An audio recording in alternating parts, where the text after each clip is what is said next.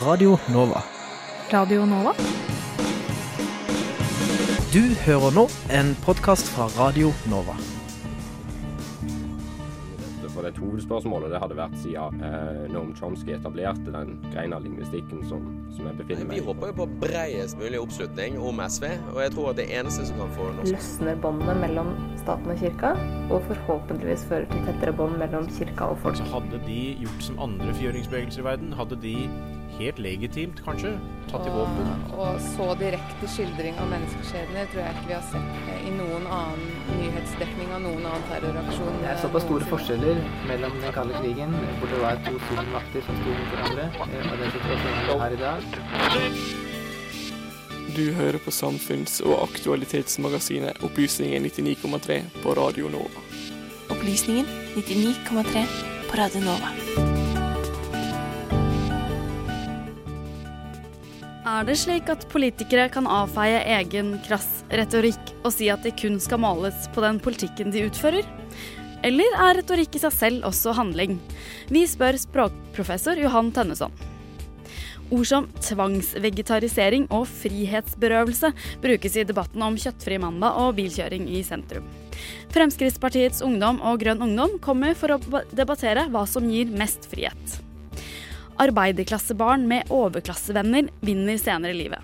Forsker forklarer hvorfor.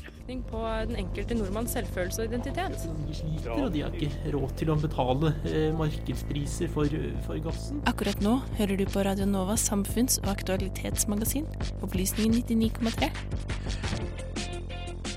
God formiddag og velkommen til Opplysningen 99,3 fredag 19. februar. Vi er altså Radio Novas samfunns- og aktualitetsmagasin, og vi gir deg grundige analyser, reflekterte debatter og engasjerende samfunnsforskning i opplysningens ånd. Og mitt navn er Signe Grape. Og i dag har jeg en medprogramleder, Kristine Brasa Dammen. Vi i Norge liker kanskje å tenke på oss som best i det meste, og i alle fall et land der korrupsjon nærmest er fraværende. Men i 2015 var Norge det mest korrupte landet i Norden. Hva skyldes det, skal du spørre om, Kristine? Ja, for hvert år så offentliggjør Transparency International en korrupsjonsindeks, der land rangeres etter hvor mye korrupsjon de har i sine offentlige sektorer. I korrupsjonsindeksen for 2015 så kom Norge faktisk på femteplass, og er dermed blant landene med best score, sånn som vi kanskje tenkte oss. Men likevel så havnet Norge bak alle de nordiske landene og New Zealand. Og hvordan kan det ha seg? I studio så har jeg med meg Tor Dølvik, som er spesialrådgiver hos Transparency International Norge. Velkommen. Takk. Kan ikke du si aller først, hva vil egentlig korrupsjon i offentlig sektor si? Ja, Det kan være veldig mange ting. Alt fra at noen betaler en bestikkelse for å få et vedtak som går i egen favør, til at man kanskje oppnår noen fordeler som man ikke har rett til fordi man har noen venner eller bekjente eller familiemedlemmer som er i en posisjon som gjør at man kan få et vedtak eller en, et gode som man kanskje egentlig ikke har eh, krav på. Så det kan være veldig mange former for, for korrupsjon, men de fleste tenker jo på denne eh, pengebestikkelsen i en brun konvolutt.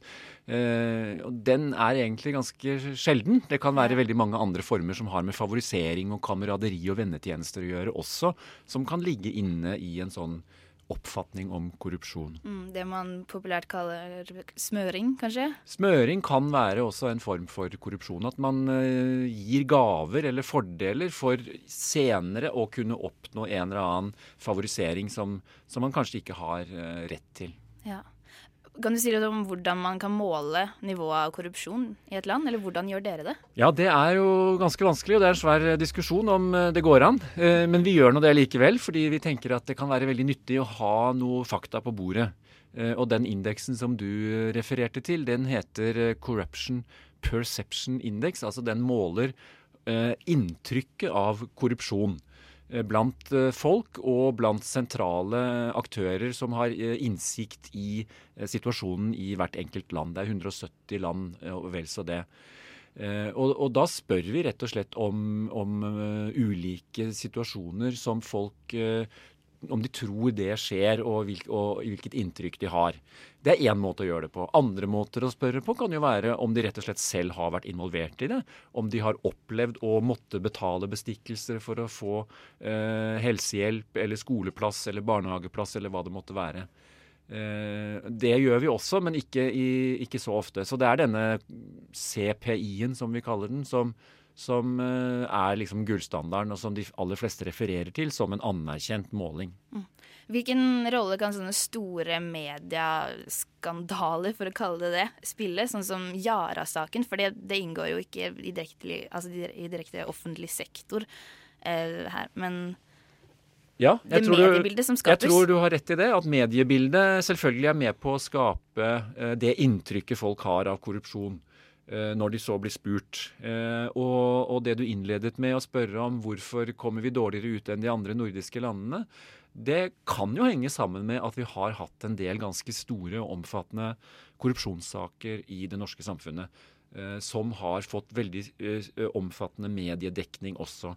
Og dette er ikke bare Yara-saken, men det har vært nesten årlig har det vært en del sånne store saker som har fått veldig mye omtale i flere år.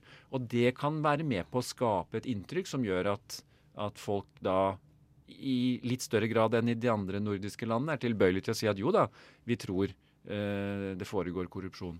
Men, men må huske på altså at eh, vi ligger i den aller beste skalaen, eh, enden av skalaen eh, sammenlignet med alle andre land i verden. Sånn at eh, vi er det mest korrupte landet er vel kanskje en litt sånn eh, fordreid måte å si det på. Altså Vi tilhører den verdensdelen og den nordiske delen av Europa hvor korrupsjonsnivået er lavt. Mm, men det er landet i Norden da, med ja. mest korrupsjon. Ja. Kan du, altså, Danmark ble rangert som landet med minst korrupsjon i verden. Altså, Hva er det Danmark gjør som ikke vi gjør? Hvilke holdninger fins da, for å rette oss inn mot uh, indeksen? Jeg tror kanskje ikke vi skal overdrive disse små forskjellene mellom, eh, tross alt, som det er mellom disse nordiske landene. Eh, vi ligger veldig nær hverandre. Eh, men det har vært en stabil rangering, det har du rett i. Jeg tror det norske og det danske samfunnet har veldig, veldig mange likhetstrekk. Så det blir litt spekulativt å si hva det eksakt er som gjør at de har noen prosentpoeng bedre score enn oss. Eh, når hovedbildet er at eh, det norske og danske samfunnet egentlig er ganske likt. Um, på International Transparency Norge sin hjemmeside så skriver dere at Brasil, som er et land Norge handler mye med, stuper fra 69.-plass til 76.-plass, og at det derfor er grunn til å være på vakt. Eh, kan du si det om hvilken betydning det har at Norge handler med et land som har et så høyt korrupsjonsnivå? Ja, det øker jo selvfølgelig risikoen, risikoen for at norske virksomheter som eh, driver eh, i Brasil, blir eh, konfrontert med korrupsjon. Eller kan bli involvert i korrupsjon. Um, og noe av grunnen til at Brasil raser på rankingen, er vel at det har vært en veldig stor skandale i det statseide oljeselskapet. I tillegg til disse store demonstrasjonene om folkelig misnøyen vi så i forbindelse med fotball-VM for to år siden, med gatedemonstrasjoner og, og protester eh, mot korrupsjonen. Så det er blitt en, en, en sterk folkelig bevissthet om at korrupsjon i Brasil er et samfunnsproblem. Og det kommer til uttrykk i denne målingen. Mm. Hvordan tror du norske arbeidstakere som drar dit, forholder seg til eh, de holdningene som finnes der? Eh, de store norske selskapene, Hydro eh, f.eks., har jo et veldig omfattende antikorrupsjonsprogram og treningsprogram som er obligatorisk for alle ansatte. Og som nettopp tar opp mange sånne situasjoner man kan komme ut for ved å drive økonomisk virksomhet i et land med høyt korrupsjonsnivå. Hva gjør du når tolleren nekter å ta inn varer før de har fått en, en bestikkelse. Hvordan går du fram da? Eh, hvis du skal være en, en, en, lojal medarbeider som skal redusere kostnader og få, fram, eh, få ting til å skje raskt og smidig. Eh, da, da, er det viktig å ha, ha, øvd på det, og det vet vi at norske selskaper gjør. Men vi vet også at norske selskaper eh, plumper i baret og, og, rett og slett eh, er med på leken. Fordi det er det enkleste. Ja, Sånn som den enkelte businessperson, da som reiser ned dit for å tjene penger.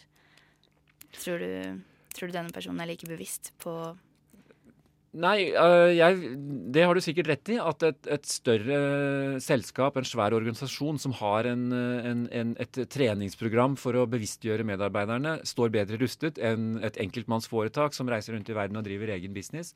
Eh, da vil det være mer opp til den enkeltes holdninger eh, om, man, om, man, sier nei.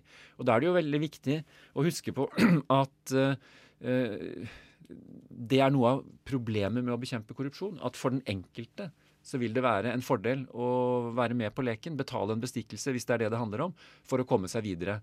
Mens eh, omkostningene er på en måte noe vi alle bærer. Også den enkelte økonomiske virksomhet eller en bedrift.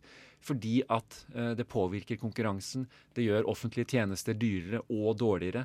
Eh, men kostnadene er mer sånn eh, på lengre sikt og mer usynlige. Eh, altså det er den samfunnsundergravende virkningen av, av, korrupsjon.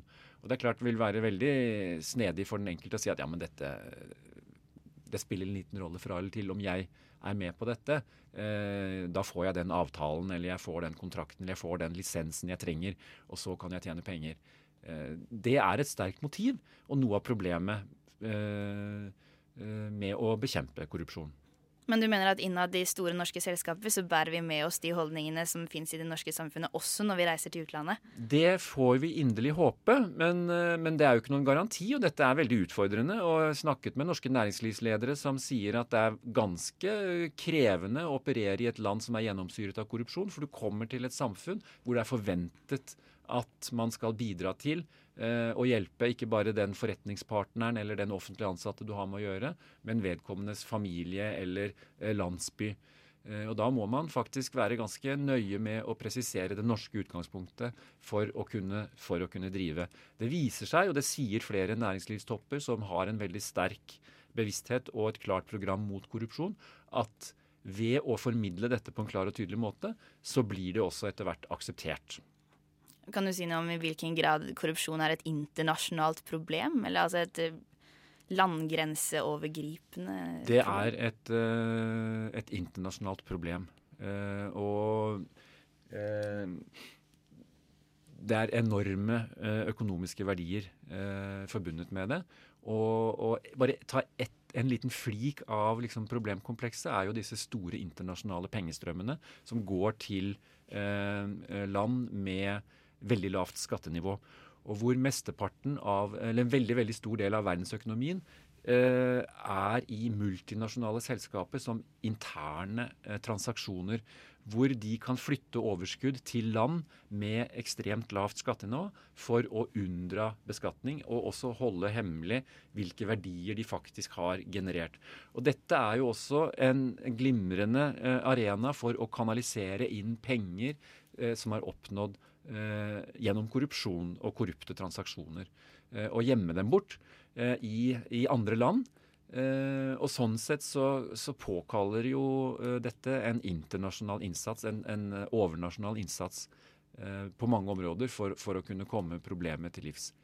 men det er klart, i, innad i de enkelte land med dårlig styresett så er det kanskje enda større problem. Ja. Nå har vi faktisk snakka, eh, brukt tida vår, men kan du si noe kort om hva som må til for å bekjempe den korrupsjonen vi har i Norge? Og om hvor viktig er det egentlig? Er det noen interesse for det? Det er en interesse for det, eh, på mange områder. Eh, og jeg tror også studenter bør engasjere seg i dette. Eh, vi har tatt initiativ til et prosjekt som vi kaller Korrupsjon på timeplanen. Rett og slett for å få inn temaet eh, på en faglig relevant måte innenfor ulike fag.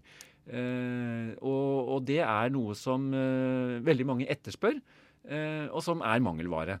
Så det, allerede der kan det jo begynne ved at de som er nyutdanna kandidater, har lært om dette gjennom studiet på en eller annen måte som er faglig relevant, og som er med på å skape holdninger. Og vi vet at mange sektorer i det norske samfunnet er veldig opptatt av å ha en et antikorrupsjonsarbeid eh, og opplære egne ansatte. Det gjelder både Selv har jeg vært veldig involvert i et prosjekt om, i norske kommuner. Eh, fordi vi har sett en del store saker der, og, og, og, det er veldig undergravende hvis folk får inntrykk av at det foregår korrupsjon der. Eh, Så det er ganske viktig å, å, å markere den standarden, og også vise at man faktisk ikke kommer noen vei hvis man prøver seg. Um, så på, på bred front så, så, så, så er det både interesse og engasjement i det norske samfunnet uh, for, for antikorrupsjon. Kan du si noe om hvilke konsekvenser det ville fått hvis vi fikk økt korrupsjon? Ja, det vil, eh, det vil eh, være en eh, omkostning som vi alle må bære, fordi at vi får dårligere og dyrere offentlige tjenester. Eh, Vi får mindre velfungerende markeder, hvor de som kanskje ikke er de beste og mest effektive, eh, får eh, vinner konkurransen. Eh, Det svekker tilliten til våre offentlige institusjoner. Hvis det er sånn at du tror at vennetjenester og kameraderi og bekjentskaper er det som skal til for å, få, for å oppnå en, eh, et, et vedtak. Mens eh, verdigrunnlaget vårt er at det skal være likebehandling eh, og rettssikkerhet, og at eh, alle, skal, alle tilfeller skal behandles likt. Det lar vi være siste ordet. Da får du ha takk, Tor Dørvik, spesialrådgiver hos Transparency International Norge. Akkurat nå hører du på en podkast fra Radio Nova. Er kjøttfri mandag tvangsvegetarisering av folket? Og frarøves folk friheten hvis bilkjøring blir strengere regulert? Eller er det bilistene som stjeler lekenes barn frihet, sin frihet til å puste i ren luft? Dette var to eksempler på to vidt forskjellige syn på hva frihet eh, kan være. Fra den siste tidas debatt om både kjøttfrie mandager i rådhuskantina og bilfritt Oslo sentrum. Vi aner her at høyresiden i norsk politikk og Miljøpartiet De Grønne har ganske så ulik ideologisk forståelse av hva frihet eh, er. Så vi skal altså ikke debattere kjøttfri mandag eller bilkjøring i Oslo, men tar den overordna med prinsipielle debatten Hva er frihet i 2016? Peter Melsom, du er eh, nestformann i Fremskrittspartiets eh, Ungdom. Velkommen. Takk for det. Og Anna Kvam, du er talsperson for Grønn Ungdom.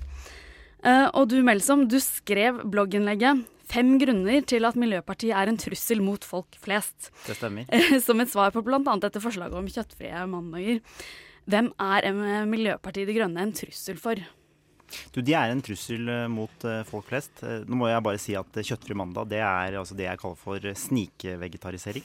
Fordi det det innebærer, er at man ønsker å tvinge Godt nyår der. Godt nyår, jo, takk for det.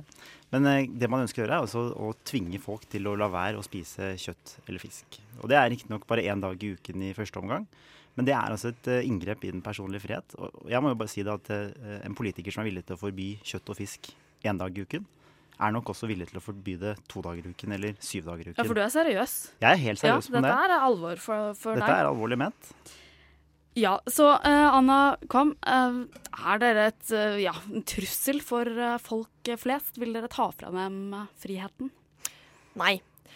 Jeg må ærlig innrømme at eh, jeg syns den der trusseldebatten er litt sånn dum. Jeg tror egentlig at det er ganske få politikere eller politiske partier i Norge da, som eh, utgjør noen sånn akutt trussel mot folk flest eh, sånn i første omgang.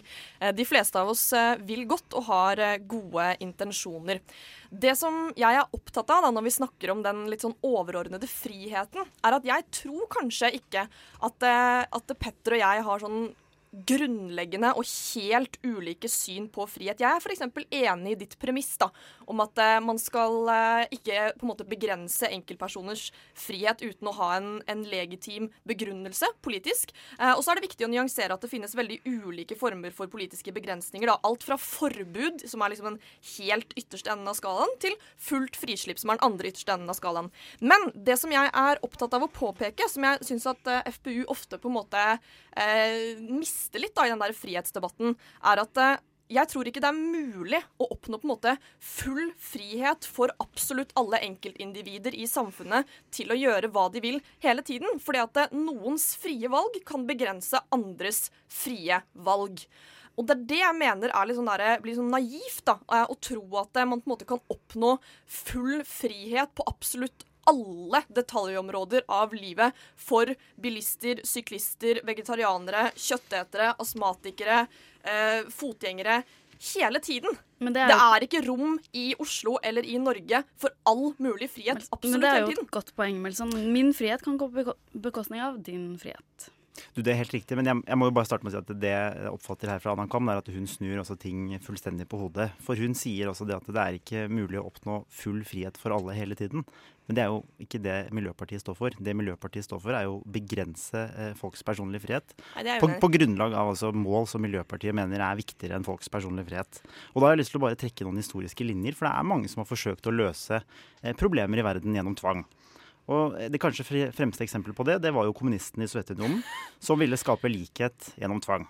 Og Resultatet det var jo ikke bare at det var enorm fattigdom, men det var altså millioner av døde. Så skal ikke jeg si at Miljøpartiet De Grønnes eh, politikk vil føre oss på ned samme vei som det, men jeg sier at det er den samme tankegangen.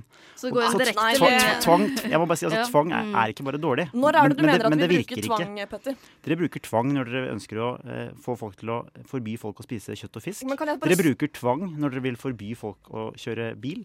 Dere bruker tvang når dere ønsker å gjennomføre miljøpolitikken deres. Men kan ikke man snu det også på hodet og si at dere bruker tvang når dere vil nekte folk å sykle eller gå eller være ute i byen? Eller dere bruker tvang når dere nærmest påbyr de som ønsker å spise i en offentlig kantine de seks andre dagene i uka å innta kjøttretter hvis de vil ha en varmrett? Det er, jo, man, jo, man kan snu på det. Og så vil jeg si at det er feil at du bruker ordet tvang. For når er det vi har tvunget noen som noen til noe som helst. Det er frivillig å spise i rådhuskantina. Det er ikke noe forbud mot å kjøre noe sted i Oslo nå. Det er ikke noe forbud mot å bruke bil. Det er reguleringer. Og det at du på en måte drar det å fjerne kjøtt fra en offentlig kantine hvor det er frivillig å spise, ut til å nærmest sammenligne det med Sovjetunionen, det er jo ganske drøyt og viser om Du- du- din du- nå- manglende evne til å se nyanser. Nå, nå, nå forstår ikke du poenget mitt. Fordi Poenget mitt er at når dere er villige til å tvinge folk til å la være å spise kjøtt en dag i uken, så mistenker jeg at dere også er villige til å gjøre det flere dager. Så, så får du eventuelt svare på det. Men jeg, jeg sier bare at det er en, er en farlig Men liksom- tankegang. Men liksom, er ikke den ultimate ufrihet at du ikke kan puste i lufta rundt deg? Jo, jo, jo, men altså det, det, eksempel, det, vi, det vi Er snakker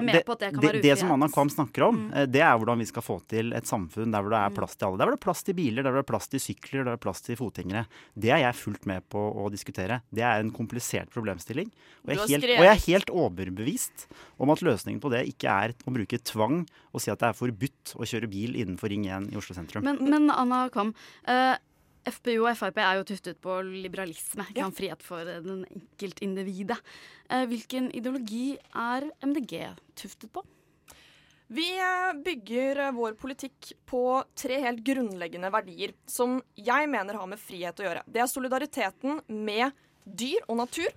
Så er det solidariteten med andre mennesker som lever på hele planeten til enhver tid. Og så er det solidaritet med framtidige generasjoner. Derfor vil jeg jo si at vårt frihetsønske det strekker seg utover oss mennesker som lever her og nå i Norge. Men den strekker seg også til de som kommer etter oss, og de andre artene på planeten. Så vil jeg bare spørre Petter et spørsmål som jeg har lurt en del på. For er ikke du enig i at det mest grunnleggende vi har for å sikre menneskers og menneskehetens frihet, er at vi har et ressursgrunnlag? Nå er jeg litt usikker på om det er et eh, spørsmål eller om det er et eh, argument. Det er et. Men, det er, men det er helt riktig at eh, Ja. hvis, vi ikke, hvis ikke vi har et fungerende naturmiljø, så er det vanskelig å også oppnå frihet. Men så er spørsmålet hvorfor påstår du det? Fordi at Hvor tar du dette fra at jorden er på vei til å gå under? Jeg hører jo at Miljøpartiet sier dette dag på gang, at jorden er på vei til å gå under. Det er den ikke. Det er klart at det er på gang noen klimaendringer på jorda. Som vi kanskje ikke vet helt utfallet av, og som vi må jobbe for, Men å, vi skal ikke ta- for å motvirke. Ja, men det er viktig, det er viktig. Ja, Det- det- Dette er et viktig poeng. Og det er, og det er spørsmålet også, man, man ser også her at det der blir en sånn veldig pragmatisk holdning. Fordi man sier at eh, jorden er på vei til å gå under, som er en dommedagsprofeti. Og så kan man gjøre hva som helst, inkludert grove inngrep i den personlige frihet, med dette som begrunnelse. Det er en farlig tanke. Det skal du få svare på, Kvam. Ja. Eh, jeg må bare gjøre det helt klinkende klart at jeg har aldri sagt at jorden er på vei til å gå under. Det er nummer én. Jeg sier at vi er i ferd med å møte noen alvorlige klimaendringer som vi kan gjøre noe med. Nummer to. Jeg kommer aldri til å bruke det til å rettferdiggjøre alvorlige frihetsinngrep. Men jeg mener at det å ta vekk kjøtt fra noen offentlige kantiner én dag i uka, eller det å regulere bilkjøring i de aller tettest befolkede Men- men ja, det mener ikke jeg er alvorlige mm, frihetsinngrep. ta er, er det, ja, men ta det er det Kvam som bestemmer hva som er alvorlig inngrep i den personlige Men ta det med Det må enhver politiker reflektere over. særlig når det gjelder ja, bilkjøring, eh, så har dere jo møtt mye motstand. Jeg har ikke lappen, men jeg kan forstå den friheten det er i å kunne kjøre hvor du vil, når du vil, med din egen bil. Burde dere kanskje ikke ha litt større forståelse for at vanlige folk, uavhengig av om det er Frp-ere eller ikke, mener at det er et frihetsinngrep?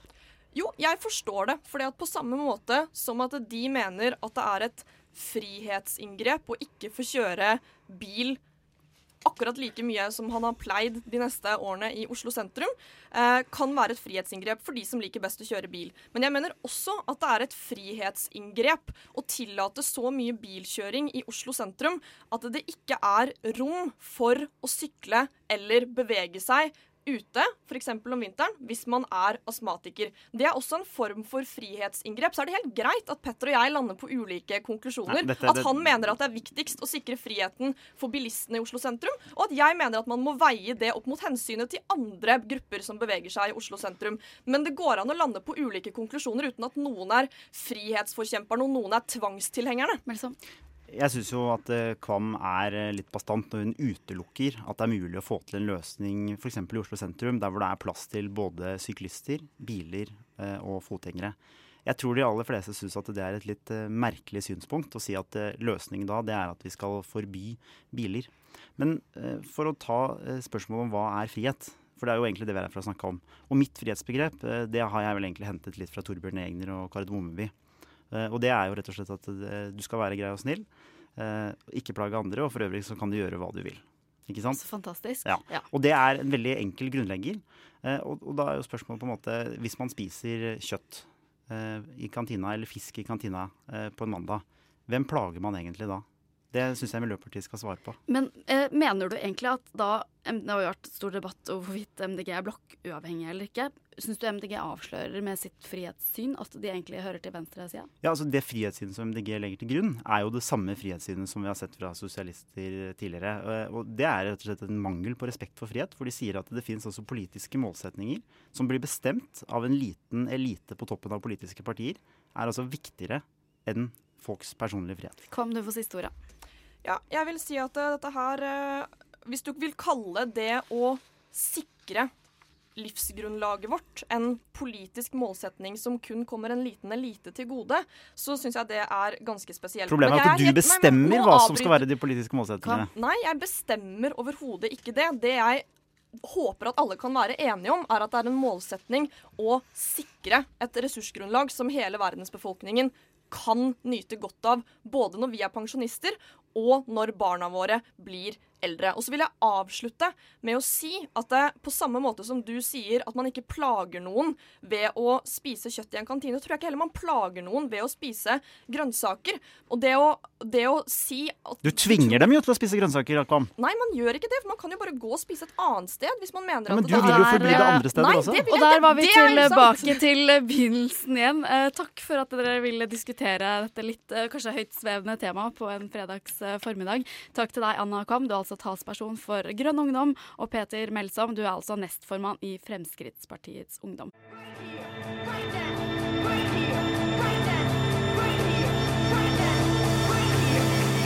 Radio Nova. Akkurat nå hører du på en podkast fra Radio Nova.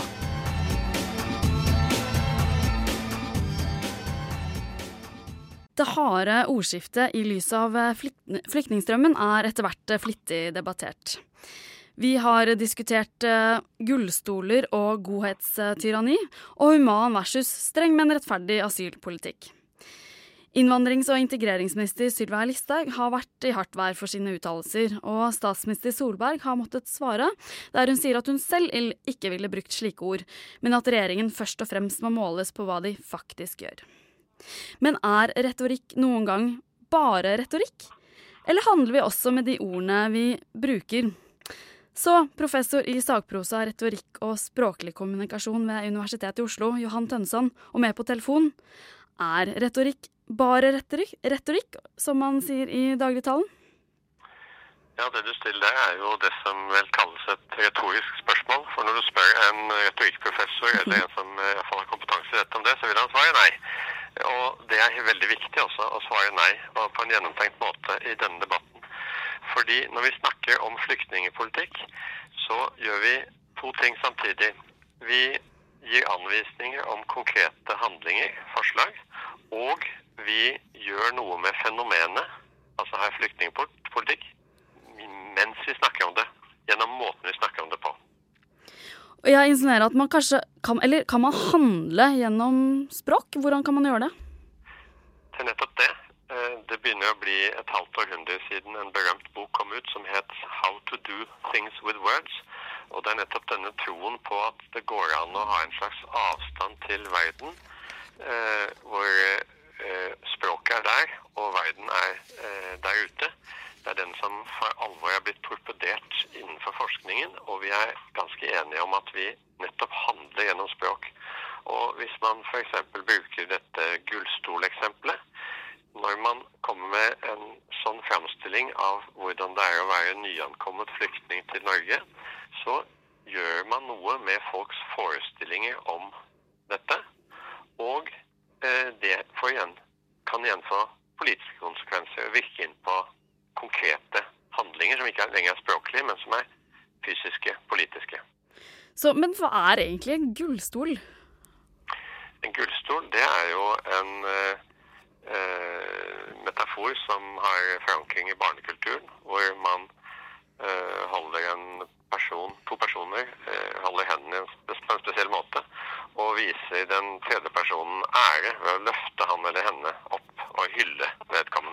Listhaug eh, sier selv om bruken Uh, sier selv om bruken av gullstål at uh, hun har fått veldig tydelig frem budskapet om hvor viktig det er med egeninnsats i integreringsarbeidet. Syns du som språkprofessor at uh, hun har lykkes med dette? Jeg tror ikke det, fordi em, dette med, altså Den ene delen av gullstolmetaforen det er jo nettopp den at man blir båret, og man er ikke nødt til å gjøre noe selv. Man blir bare feiret og, og, og privilegert.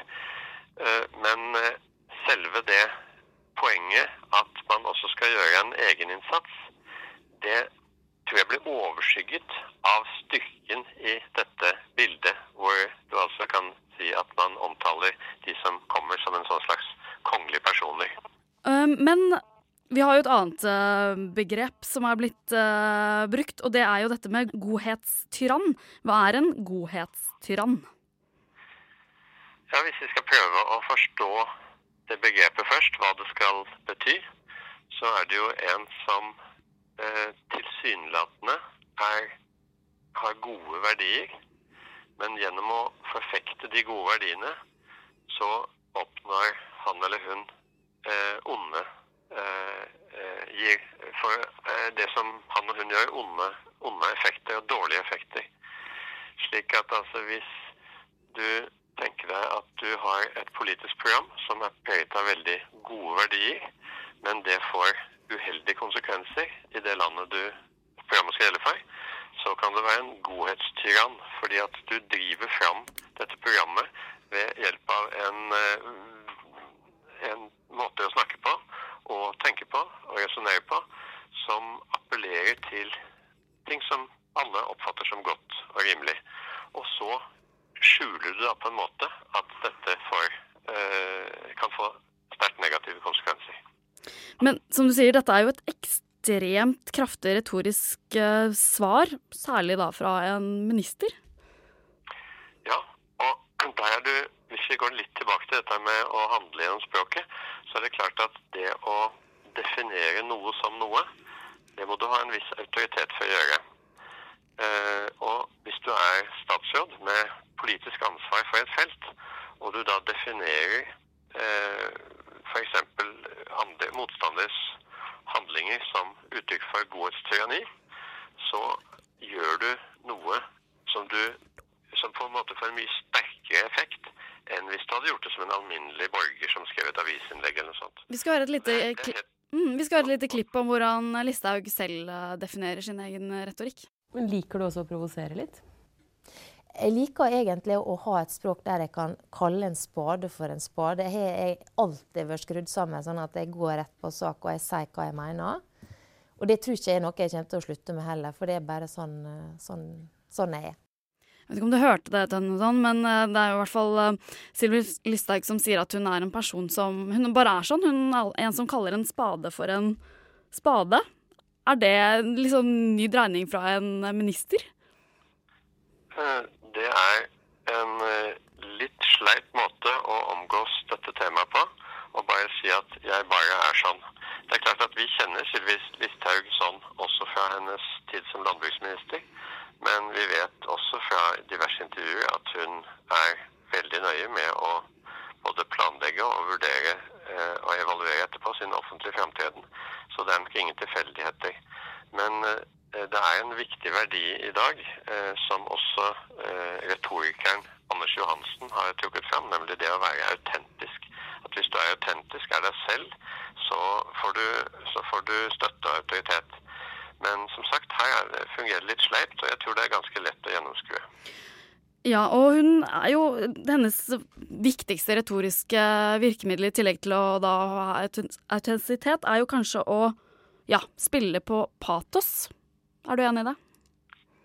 Ja, iallfall så kan vi si at uten å appellere til patos, altså til følelser, og vise selv at man har følelser, så kommer man ingen vei i politikk. En person som virker som han eller hun bare argumenterer rent rasjonelt og kobler ut sine egne følelser, og heller ikke tenker på motstanderens følelser, eller tipp, unnskyld, publikums følelser, vil nok ikke nå særlig langt. Eh, Dette snakker vi ikke så ofte om. Eh, Men nettopp der er du ved kjernen i debatten om hva som er retorikk og ikke retorikk. Fordi når Erna Solberg f.eks. For forsøker å skille mellom hva som er retorikk og hva som er innhold, så glemmer hun at retorikken så å si følger med på innholdet i, nei, på lasset i all debatt om innholdet. Mm. Uh, og vi har jo alle disse nyordene. Jeg nevnte jo dette her med et godhet, godhetstyranni. Og vi har jo til og dette med snikislamisering. Eh, blir, det, blir man kanskje litt sånn lei disse nyordene? Uh, at de blir liksom forslitte til slutt, så de mister sin mening? Eh, Det altså når man kommer med et sånt ord som snikislamisering, så kan det ha en veldig sterk kraft en stund. Eh, Og så kan det bli en kamp om ordet, hvor det kanskje plutselig får mottatt motsatt valør. Å ha vært positivt i mange kretser lenge, så blir det såpass mye negative konnotasjoner knyttet til det at det får motsatt valør. Og når du så har gått fram og sånn tilbake en tid, så, så mister det nok mye av sin, av sin uh, effekt. Uh, når det gjelder godhetstyranni-eksempelet, så er, var det nok ikke Lysthaug som fant på det. Og du nevnte nettopp i stad at det er ganske kraftfullt. Uh, og jeg vil spå at det får et ganske langt liv. Da sier jeg tusen takk for den retoriske, nærmest analysen av siste måneders eh, flyktningdebatt. Takk til deg, Johan Tønneson. Du er altså professor i sakprosa, retorikk og språklig kommunikasjon. Akkurat nå hører du på en podkast fra Radio Nova. Oslo er en segregert by der rike og fattige bor på ulike steder. At barn av rike tenderer til å velge eliteutdanninger og oppnå høyere klasseposisjoner enn barn av fattige, er et velkjent fenomen. Men ny forskning viser at det å ha velstående venner eller naboer også hjelper arbeiderklassebarn til å gjøre det bedre senere i livet. Dette viser en studie utført av Jørn Lundgren um, og i samarbeid med Maren Toft, som er hos oss. Eh, Du er stipendiat ved Institutt for sosiologi og samfunnsgeografi ved Universitetet i Oslo. Velkommen. Takk for det. Aller først, altså dere har studert forskjellene i Oslo. Og hva, kan du si litt kort om hva dere fant ut av i studien? Ja, eh, jeg kan jo si litt eh, hvorfor vi var interessert i den type problematikken kanskje først, da. Nå er det sånn at sentralt i på en måte, sosiologien generelt er jo en interesse for hvordan, hvordan en måte, ens livssjanse eller hvordan det går med deg i livet, er på en måte strukturert. Og veldig ofte så er man opptatt av å se på hva skjer i familien. Gjerne hva er sammenhengen mellom dine foreldres klasseposisjon og din egen klasseposisjon. Er det sånn at arbeiderklassebarna blir eh, arbeiderklasse selv, f.eks.? Eh, så det er på en måte utgangspunktet. Og så vil vi se på kan vi forstå denne sentrale liksom, bakgrunnsvariabelen, sosial bakgrunn, som noe mer enn bare det som skjer i familien. Kan det også være en sosiale miljø som, som påvirker hvordan det går med deg. Da. Så det er på en måte utgangspunktet. Eh, Og, så, og det er på en måte en sentral tematikk i det vi kanskje bredt kan forstå som, nabolagsforskning, som gjerne ser på nettopp det. Er den sosiale sammensetningen i nabolaget påvirker hvordan det går med deg i livet?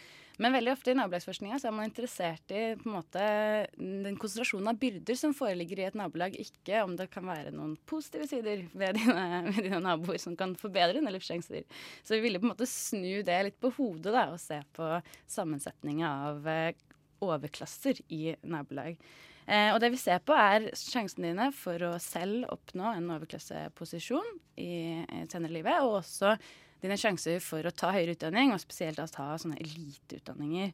Eh, og det vi finner, er at eh, sammensetninga i, i, nabolaget ser ut til å ha en, en, en, uavhengig eller en selvstendig sammenheng med alle disse tingene. Og det gjelder for alle, alle, alle ungdommer, ikke bare arbeiderklasseungdommene. Så alle ungdommer som vokser opp i nabolag, men med høyere, jo høyere andel overklasseforeldre du har, jo større er sjansen for at du eh, oppnår en overklasseposisjon, eh, tar eliteutdanninger eller tar høyere utdanning. Men denne sammenhengen fant vi var sterkere for arbeiderklassebarna enn det det var for de andre barna. Da. Mm. Har du sett noe på barn med innvandrerbakgrunn? Hvordan de spiller inn i studiet? Ja, så vi, eh, vi, undersøkte jo det, om kanskje denne dynamikken var annerledes for, eh, for innvandrerungdom. Eh, men vi fant at eh, hvis vi kjørte separate analyser, så var det altså bare for, eh, for, folk med innvandrerbakgrunn, så var det ikke noen særlig forskjeller å spore der. Så dette tyder på at dette er mer en sånn ren klassedynamikk eller et eller annet som har å gjøre med en annen dimensjon enn det som tilhører det etniske eller noe sånt. Mm. Hva er det dere legger i klassebegrepet, egentlig? mm. Så vi måler det vi kaller eh, andelen av overklasseforeldre. Eh, så vi bruker et eh, klasseskjema som er utvikla på Universitetet i Oslo, hvor vi Det er en yrkesgruppering, altså vi kartlegger yrker, men etter en logikk av mer sånn inspirert av Pierre Bourdieu, så vi er interessert i både kulturell og økonomisk kapital. Så det som inngår i overklasseposisjoner her, er både sånn næringslivsledere og, og bedriftseiere og sånn, men også på en måte leger, advokater eller forlagssjefer eller professorer. Da, så vi har på en måte både kulturelle og økonomiske ressurser som ligger til grunn for den klasseforståelsen vi bruker. Da. Så det har ikke nødvendigvis noe med hvor mye man tjener, selv om det ofte er en sammenheng? Ikke utelukkende, nei. Um, ja. Kan du si noe om hvilke områder i Oslo som dere har funnet disse sammenhengene? Ja, altså vi, vi, ser på, vi, ser på, andelen eh, andelen foreldre som har overklassebakgrunn. Så det vil si at vi ser egentlig på alle nabolagene. Så vi måler for hver på en måte prosentpoengs økning i den fordelinga. Eh, men det er klart at eh, hvis vi ser hvor i byen er det det bor flest eh, overklassemennesker, så er det helt tydelig at det er eh, Oslo vest. Eh, så det er en veldig klar eh, kartlegging av Eller det er veldig tydelig at eh, klassene bosetter seg veldig systematisk forskjellig i Oslo by, da. Så det, er, så det er ikke nødvendigvis en forskjell at det er en, en, god blanding er det beste, men det er mer det at en, en stor Altså mye, mye overklasse gir, gir gode livssjanser senere i livet. Og hvis det da er noen få med arbeiderklassebakgrunn, så blir de med blir de med opp? Ja, faktisk så undersøker ikke vi om det er sånn at det er i de spesielt konsentrerte, altså det er de spesielt velstående områdene. Vi ser for jo mer velstående nabolaget mer blir, jo, mer er, jo sterkere blir den sammenhengen. Altså Så det er ikke, vi ser ikke på bare de helt konsentrerte nabolagene. Dette er en kontinuerlig fordeling. Vil du si, basert på det her, at Oslo er en delt by? Jeg vil absolutt, eh, altså Nå har ikke vi undersøkt segregering som sådan. Vi har sett mer på hva, hva vil det si, hva slags sammensetning man har i de nabolagene. Har det noe, har det noe eh, sammenheng for hvordan det går med senere i livet, så å si. Men det vi vet fra annen forskning, er jo helt klart at uh, både når man ser på inntekt eller man ser på formue eller hvordan man ønsker å måle det, så er det en veldig klar systematisk og økende tendens til at de aller rikeste og de aller fattigste blir mer segregert i byen. Så jeg vil si absolutt. altså Dette er tendenser, så du vil finne nabolag hvor det ikke er sånn, og du vil finne på en måte om, Og det betyr ikke at alle som er i øyeblikket bor et sted, det bor ingen. Men allikevel, det er helt tydelig at den overordna fortellinga er at uh, Oslo er en delt by. Det tror jeg vi kan si. Kan du si noe om hvordan denne forskningen, disse resultatene, kan anvendes? Sånn i byplanlegging og i Oslo-politikken? Ja, altså det man eh, kan eh, tenke seg, da, er jo i hvert fall at Eller det vi vet, er at det har vært en massiv deregulering av boligmarkedet fra 80-tallet. Noe som også har sammenfalt med en veldig tiltagende eh, inntektsulikhet i byen, og også stor tilstrømning til byen. Så det kommer mange folk som vil bo i byen. Eh, så i tillegg til denne inntektsulikheten, så har det også vært en massiv økning i boligpriser, som Terje Wessel, som er eh, samfunnsgeograf på instituttet mitt, også har påpekt. Så har liksom, hvis vi ser fra 1992 til 2012, så har boligprisene i Oslo økt med 420% Så når vi ser en veldig økning i boligpriser, helt analogt med en økning i inntektsulikheten, så sier det på en måte selv at uh, hvor man ender opp med å bo, eller i hvert fall ens muligheter til å bestemme hvor man ønsker å bo i byen, i større grad blir på en måte bestemt av ens lommebok. Da. Så no, den retningen bør man kanskje tenke, uh, og kanskje man bør tenke på hva slags type boliger man bygger i, i byen. Jeg tror f.eks. hvis man har en mangfoldig og, og spredt boligbygning, og forskjellige typer boliger bygges på forskjellige områder, så vil det også sikkert stimulere til mer uh, sammenblanding i, basert på klasse i, i byen, da. Vil jeg tro. Mm. Um, ja. Da tror jeg egentlig at vi kan si takk for at du kom.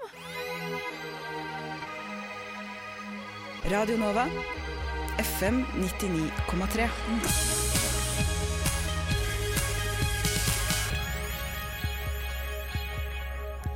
Ja, og det var altså min medprogramleder Kristine Brastad Dammen som eh, hadde intervjuet eh, Maren Toft, som er stipendiat ved Institutt for sosiologi og samfunnsøkonomi ved Universitetet i Oslo. Og med det var ukas eh, sending over. Tekniker har vært Petter Pettersen. Medvirkende til ukas sending har vært Vebjørn Løvaas, Ingrid Vik Lysne og Miriam Johannessen. Og jeg heter altså Signe Grape. Vi sender hver fredag mellom klokken 10 og 11 på formiddagen. Og hør oss igjen når som helst på radionova.no, på SoundCloud eller last oss ned som podkast. Og lik oss gjerne på Facebook. Nest ut på kanalen er eh, Studentnyhetene, men før det får du helt til sist Wall og Cuban Cigars. Du har hørt en podkast fra Radio Nova. Likte du det du hørte? Du finner flere podkaster i iTunes og på våre hjemmesider radionova.no.